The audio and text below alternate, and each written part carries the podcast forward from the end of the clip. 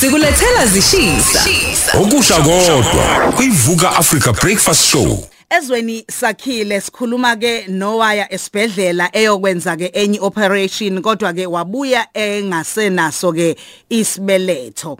Kanti ke mhlambe ke asidlule nje la ukuthi ke mlalelo Khoze FM nomlandeli we#VABS lengxoxo ke elandelayo ke ayiwona ke umbono wabasakazi eh mhlambe futhi ke ayiwona umbono westeshi kanjalo ke SABC eh yonkana nje yonke eh, jikelele. Kodwa ke kungumbiko nje waloyo osilandisa udaba lwakhe sokhuluma naye ke udadewethu la ongum oyisakhamuzi eh ongeke azisho igama lakhe sikubingelele ku Khosi FM Yebo sawubona sisi.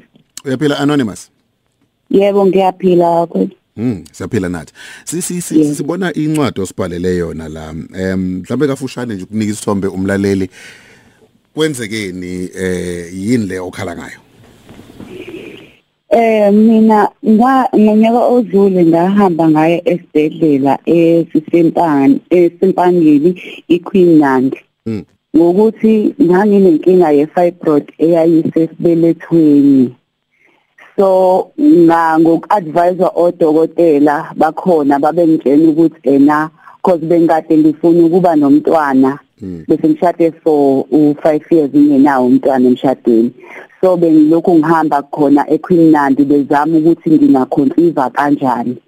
So into aba abayichaza bathi ena into evimba ukuthi ngikwazi ukuconceive kahle ukuthi kukhona ifibroid engange size ye-orange kuyisibeletho sami ekufanele i-remove. So nami ke ngavumelana nabo dokotela cause ngase ngizame konke okusemandleni ukuthi ngikwazi ukuthola umntwana. Ngase sengiyile bangenzisa ama test okucheck ukuthi ama tubes akho awablockile yini yonke into bangitshela ukuthi i right ngangikwenze ngo 2018 lokho so udokotela bangi advise nje akwangasi idokotela yedwa bebaningi nje ukuthi indlela elula ukuthi ena ku remove i-fibroid ngoba isihleli esibelethweni la kufanele kwenzeke i-fertilization khona. So nganami ke ngokuvumela odokotela ngahamba ngayokwenza kodwa ngaqala ngayo ngafuna ulwazi ukuthi ena if they remove kungakanani ubungozi? Bangithembisa kodokotela ukuthi ena u 100% u30% ukuthi bengasho ukuthi 30% ukuthi eh mhlasimbe kube khona ama complications i-complication ingaqhamuka la makuthiwa ena ubleede kakhulu bese udokotela fanele elokhuzana ekhiphe isibeletho sakho Okay. so ngakubona nami ke kuyinto ebingangisiza ngase ngithi let me go for it so uma sengifika ke esibhedlela ngenziwa yonke into ngadlulisela kudokotela ngazi noma ngisho yini ukuthi udoctor bani kodwa nje udokotela kwaba uyena owang operator angaze ngize ngithole i-counseling yokuthi ngiyokhipha isibeletho. Ngatshelwa ukuthi ngiyokwenza imeyoctomy i even have ama proof ashoyo ukuthi ngiadmithiwe ngiyokwenza imeyoctomy nodokotela uDr Grant owayekade engirifeyele kuyena lo doctor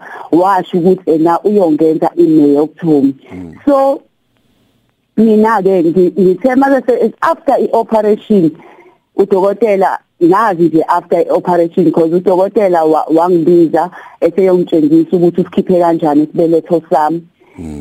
Wayela asengichazela khona ukuthi usikhiphile isibeletho sami cause uthethe ni-operator wabona ama-fibroid amanye kuyisibeletho sami emila. Okunye wabona i-endometriosis cause wafika efika nento ayisedwebi wayidweba nje isibeletho wangitshela ukuthi ubone ama-fibroid ne-endometriosis.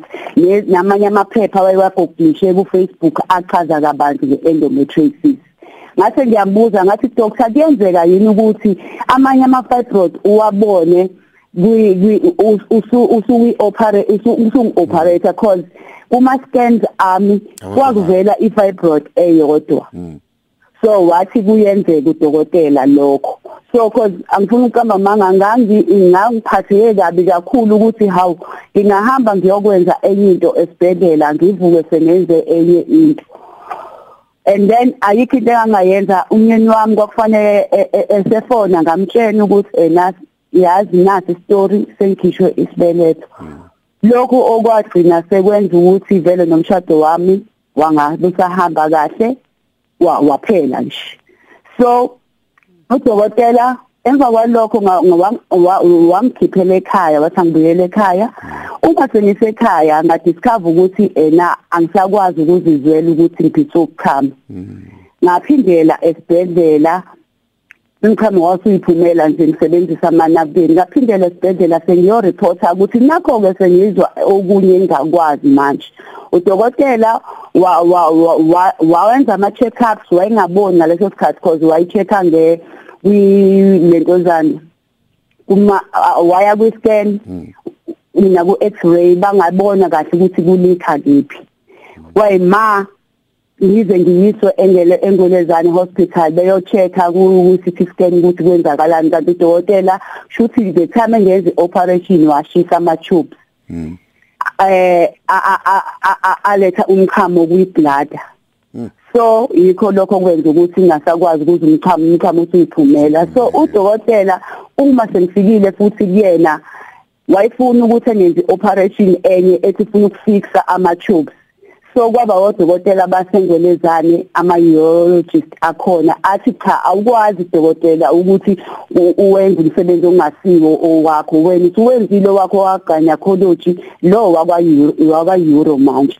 so udokotela izinto ayizenza kumina sengisesibhedlela ngoba vele ikhathetha yayingasasebenzi kwakulikha ngisho ikhathetha ngiyifakile. So udokotela into ayizenza wafika efike efike nedwedwe ayisikile eyishutheke ethi ufuna ukuzama ublock ileak. Mm. eyishutheke kumina emumuzini ethi uzama ublock ileak.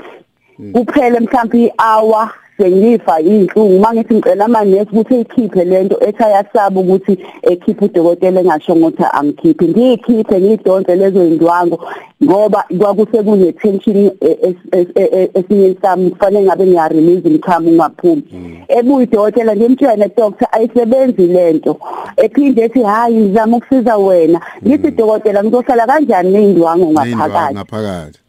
Yebo. Ephinde ethi ngicela sizame sifake igloves.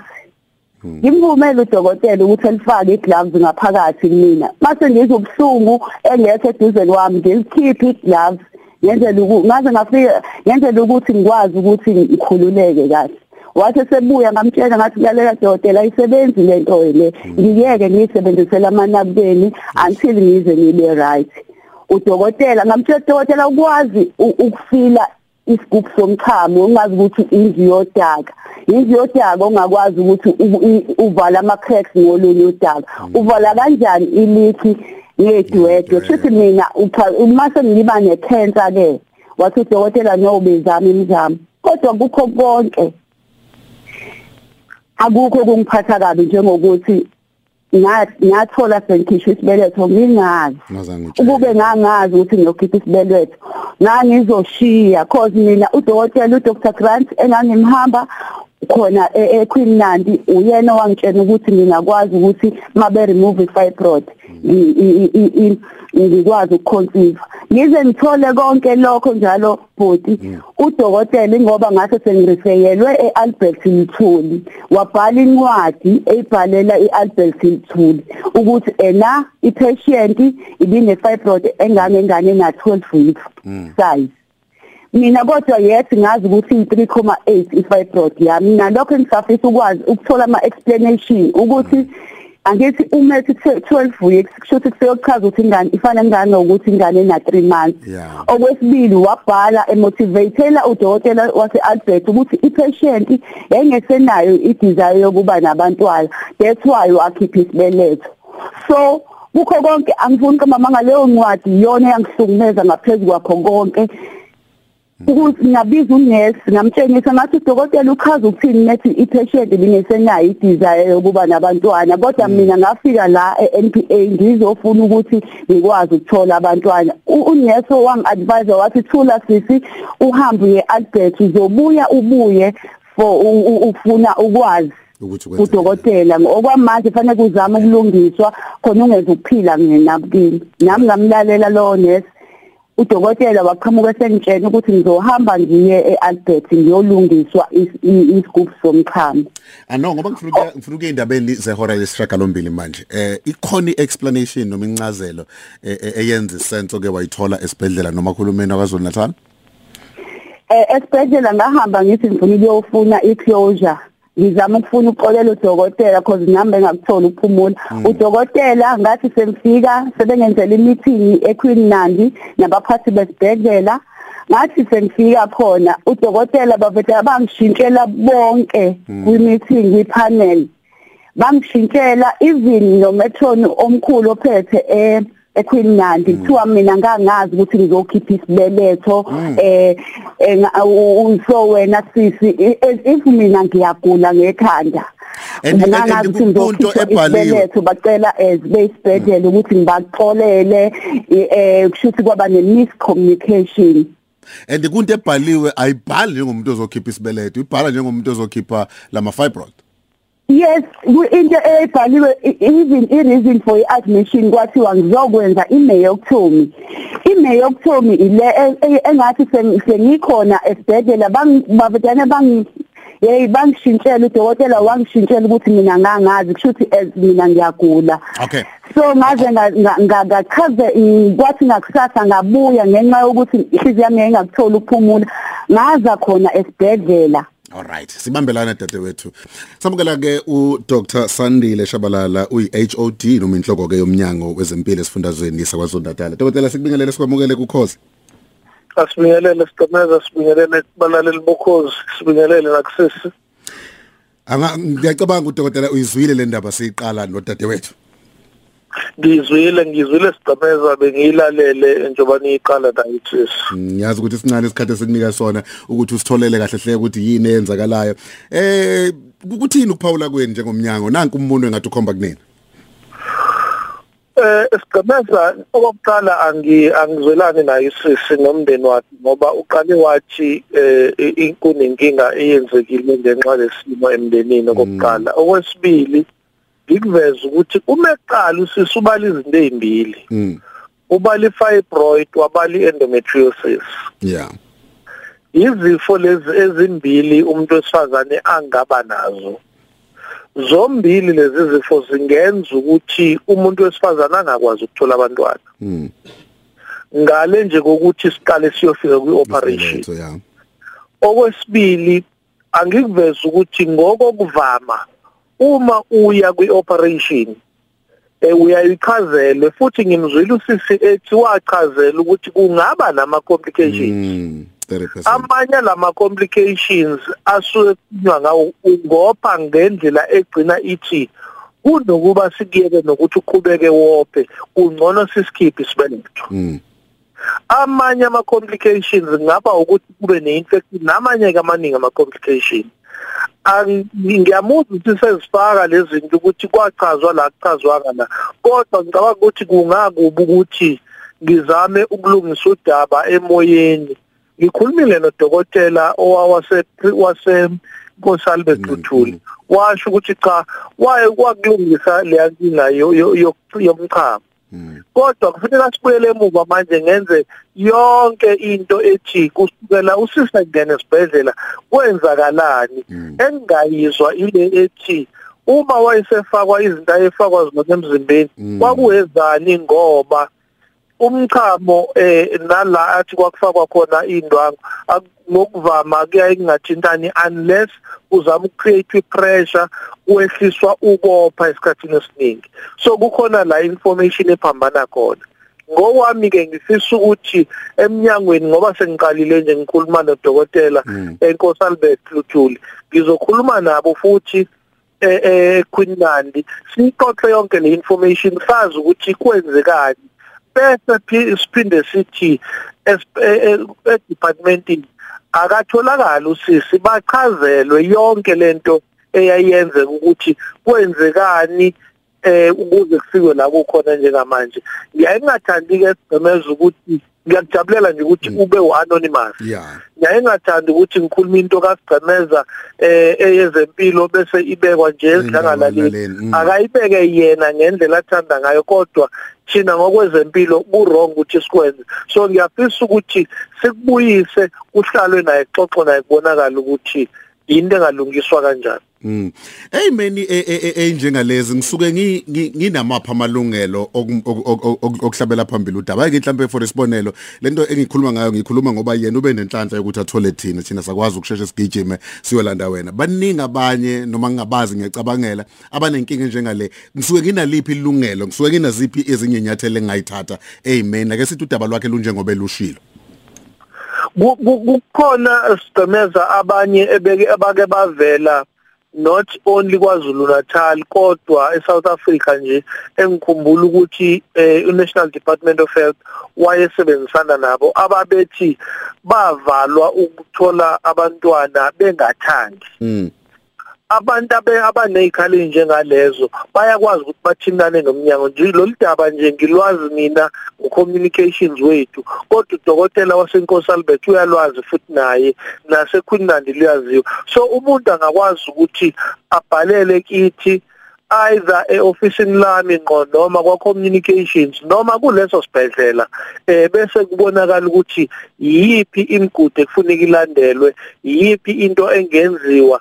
Uma kuyinto esengalungiseka ingalungiseka kanjani kodwa siphinde sithi okubaleka kakhulu ukuthi kuhlale kuxoxiswane umuntu ngoba uphazamisekile ngokuthola abantwana uphazamisekile ngalesa sikhathi ngokuthi aye aye kochama kodwa nasemqondweni kuyafuneka ukuthi alulekwe. So siyayisithi asibe holistic ke manje kwi approach yethu sihlale sixoxisane naye. Abanye ke bayaye bathi angisafuni abanye bathi kulungile asihlaleni sixoxe.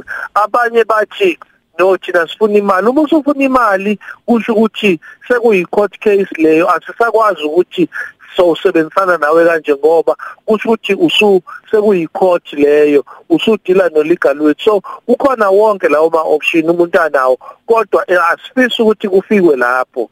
Ngoba sicabanga ukuthi izinto ezingaxoxiswana vele ngokulalela kakhulukazi kule case esikhuluma ngayo kukhona incazelo ezazivela kusisi kodwa ingazathi khona okunye kwakushiyeka Ngiyajabula ukuthi ukhuluma le ndaba yemali. Em ngiyazi ukuthi udaba ngoba sesilibekile kuwena nawe uzoliqhubela nesibhedlela mhlawumbe ngelinye ilanga siyobuya nereport kumlaleli. Ngi- ngi- ngi- Ngibuka nje ngene ku Google ngatype abantu abasiwa nina. Eh ngomhla ka29 April ka2021 kwakune article eyibhalweke iIndependent Online ethi KZN Health slept with 10 million lawsuit over 2014 eh medical negli- negligence. Eh kwakudaba la kwakuthwala kubeletha umntwana njalo njani khona bebenisiwa ngo10 million.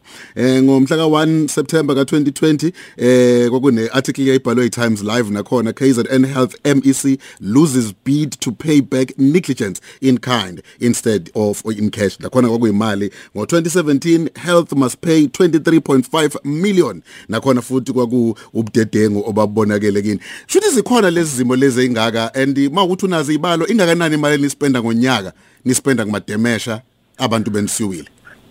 Iningi kakhulu sigcemeza imali esiyispendayo eh kubantu besuwile njengomnyango wakwa health ingakho ungqongqoshe wethu eqale into athi u-e-health i-process le esiqonde ngayo ukuthi asikwazi ukugcina ama record ethu. Isizathu ukuthi ngesinye isikhathi ama record ayantshontshwa ngizokubekela nje ngi- ngikubeke kube sobala. Eh ngike ngasebenza ngaba u-CEO wePrince Mshiyeni. Kwathi ngolunye usuku ngisuke nje ukuthi hayi angenze nami supervision njengo CEO uma uhamba around isibhedlela ubone kukhona izingane ezigqoke izikipa ezithile eze law firm ethile bazontshontsha amafile ezibhedlela so kuyaye kwenzeke njalo. Sithi siya court thina. Umuntu useza kithi une information esingazi ukuthi thina uma sifuna ukuyivikela sizovika ngani ngoba infile ayisekho. So njengamanje silwa naleyo nto. Kwesibili sesiqale into esithi i-medical legal unit. Ekuyiyona unit esobe sihlose ngayo ukuthi kulungile ke mhlawumbe khona icomplication eyenzakele kodwa asikwazi ukuthi lowo muntu obe necomplication sikwazi ukumtreata thina. Izathu kakhulu sigcemeza ukuthi abantu bafaka into abathi ama future medical expenses kusho ukuthi imali abathi ukuya phambili so besibhekene nalenkinga okubi ngako sigcemeza ukuthi angenza umzekelo. Ngifike ngiwushabalala ngifike ngithi ingane yami izelwe la yaba necomplication. Ngenxa yaloko ngifuna u20 million niwukhokhe lo 20 million. Emva kwenyanga ishone leyo ngane. Ayibisabuya leyo mali ku- department okay. Ihambe ihambile. Nina ngapha okwesibili okwenzakalayo abanye angenze futhi omunye umzekelo. Uhlala eh mhlawumbe em engwavuma. Ube nale complication. Uma udinga usizo esikhathini esiningi uzoya esibhedlela sikahulumeni okusho ukuthi uhulumeni ukukhokhelile u20 million. Uma usufuna usizo futhi uza kuye lo hulumeni othi akakhokhela imali ku ku private sector. So ku- ku- kunale inkinga eziningi e- ezihambisana nalento yama complications nokuthi kuthiwe inegligence. Enye esihluphayo ukuthi abanye odokotela ngokusaba ukuya ecourt uthi umuthi kahle kahle kwenzekani la udokotela vele angafuni nokuzifaka? Ngoba wazi ukuthi ecourt kuthiwa nje wabheda kuboshwa wena. So ziningi izinto ezizama ukuyilungisa ukuthi hayi kukhona inkinga eziba khona la. Kodwa ke futhi angikuveza ukuthi sekhona nabemeli asebeqala ukuboshwa ngoba baganga ngayo lento so kuningi okwenzakalayo sigcemeza ukuthi asiyixoxi kakhulu lezi zinto eh kuyaye bese kudilwa naleyo case Esuke by ikhona. case kodwa ziningi izinto ezenzakalayo. Udadewethu naye la sengiphinde ngamlanda ukhona eh, mhlambe kukhona angafisa ukusho kumnyango wezo we- we- we- we- wezempilo esifundazweni sakwaZulu Natal mayelana nokwamehlela eQueen Nandi Hospital. Eh ukhona ke njengamanje. Mhlambe dadewethu eh kukhona ungafisa ukusho kulo okhulumela ke umnyango oyinhloko eh yomnyango lapha ya eh esibhedlela. Yebo sisi eh, ngiyabonga futhi em engakusho nje kumnyango wezempilo ngisafisa ukuthi ngithole ama answers ukuthi mina njengoba ngangazi ukuthi ngiyokwenza imeyokuthomi and naku naku nakuma record kubhaliwe ukuthi the reason for i-admission ngangokwenza imeyokuthomi what is imeyokuthomi kanti kahle kahle. Yes khona wangisiza eQueen Nandi wangichazela wangichecka kwicomputer ukuthi yini meyokuthomi wazi wa- isizathu sakhe wazi wathi hawu kanti sisi ubuqinisile ngo- ingakhulwa kangaka kanti nayi lencazelo wase sedlulisela icase yami edistrict edistrict lapho eh, abangifonela bathi balinda ama IT specialist ukuthi ezocheck ifile yami. Nama kuze kube manje bangifonela last year bathi angilinde i-IT specialist izo-check ifile yami. Kuze kube manje i-district anga ayikazi zibuye umnyango wezempilo ngiyafisa ukuthi ungitholele ukuthi ngempela ngempela khona nami ngizothola ipeace enhlizweni yami. Ngoba yes i-consent form udokotela owanginikeza yona it's not lo dokotela owangi-operator waqhamuka wangitshena ukuthi nathi i-consent form yakho eyokuthi uyavuma yini ukuthi u- u-edelwe igazi uma liphele theatre akekho umuntu owayengeke kuvumele lokho. Ngalisayina i-consent form eyayisho lokho ayikho eyayithi ngiyokhipha isibeletho. Only to see ukuthi kwi-consent form yami seku-ediwe ukuthi ibikhuluma nangokuthi ngiyokhipha isibeletho. Kodwa udokotela wangitshenisa yona wangitshena another story. Isibuya and uyayibona nayo ukuthi content form isinama handwritings awu2 yo. Okwesibili ngiyafisa ukuthi ena umnyango wezempilo un- un- un- ungitholele ukuthi ngempela udokotela alivume iphutha lakhe because mina ngiya kuyena ngangitshena ukuthi uzothi sisi. Yazi ngathi sengise theater ngabona ukuthi ena unenkinga. Let me remove isibeletho sakho ngenxa yokuthi ngibona ukuthi wophe ngase ngakwazi ukuvimba so if udokotela ezongitshena ukuthi wena wawazi ukuthi uyokhipha isibeletho lokho ay angifuni ukuqamba manga ukuyimanje ngidla amaphilisi e-depression angikwazi ngisho ukuyixolele bengakwazi ngisho ukulala okay Ngiyakuzwa dadewethu. Ngicabanga ukuthi ke mlaleli usekhaya eh umzulu udokotela uSandile Shabalala wamuza udadewethu obika udaba lwakhe umnyango ke wezempilo eh ngokocwaningo eh, lwabo ngalo lolu daba lolu eh, luka anonymous eh, bachazile ngo- bayachaza nabo ngokwenzeka bafisa futhi nokuthi bathathe inyathelo eziyaphambili babheke baze bafike esiphetheni eh, nodadewethu naye ngala eh, ufisa okufanayo ukuthi naye uyafisa ukufinyelela esiphethweni mayelana nodaba ke abhekene nalo ukuze naye athole uxolo nokwazi ukuthi kwenzekani ngempilo yakhe. Asibambeni lana Mroza sifumele ukuthi ngoba vele ubaba udokotela uHOD eh usenalo udaba nodadewethu ukho- u- u- u- uyadila nalo ngapha. So landela ke sibone ukuthi bagcina behlanganisiwe ikupho kuphumayo ngithola enye SMS futhi ephuma eh komunye umzalwane lapha eh uAbigail Ngobini eh wengobini incorporated. Naye oshoyo ukuthi eh ya makukuthi usisi uyayidinga usizo lwezomthetho. Sikhona singamsiza. Esho elalele lolu daba lolo so mele silibeke lapha kaliphelile lolu daba lolo soqhubeka kanjani ngokuhamba kwesikhathi eh ukhosini FM sebehlangene sibone ukuthi ke yini egcina yenzekile ngalolu daba. Udaba lubhlungu kakhulu oluthinta kudadewethu o anonymous nomnyango ke wezempilo esifundazweni saKwaZulu Natal Ulalela uDJ Skemeza Umroza kanye nonolwazi. Kwivuka Africa Breakfast Show.